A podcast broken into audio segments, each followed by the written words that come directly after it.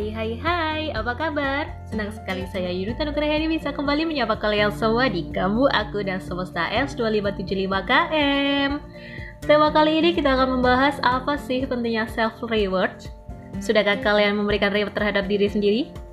Emang penting ya? Untuk tahu seberapa penting self-reward bagi diri, yuk ikuti podcastku kali ini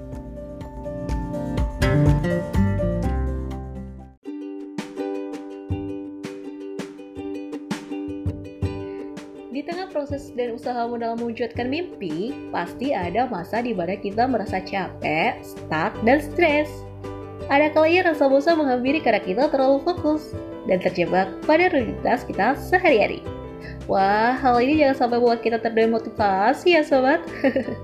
Bayangin, kamu sudah kerja keras, mengeluarkan seluruh jiwa dan raga hingga tercapai saat ini. Walaupun belum sampai titik puncak, kamu tetap berhak kok bersenang-senang alias self reward. Bukan narsis, tapi semua itu demi kebaikanmu juga. Rasa capek, bosan, stuck, kalau dibiarkan begitu saja, bisa-bisa kau jadi stres dan depresi. Kalian nggak mau kan itu sampai terjadi?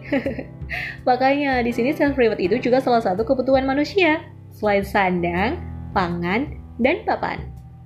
Menurut artikel dari GMC Academy Sydney, self-reward bisa mengembangkan kreativitas kita jika kita melakukan hal yang berbeda dari rutinitas kita sehari-hari.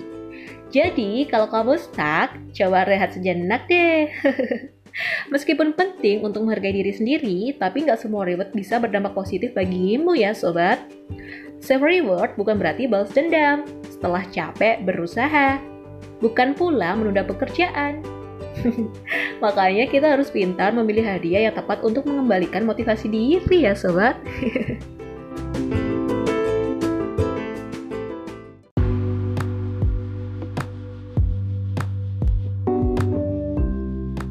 Gimana? sedikit tercerahkan bukan?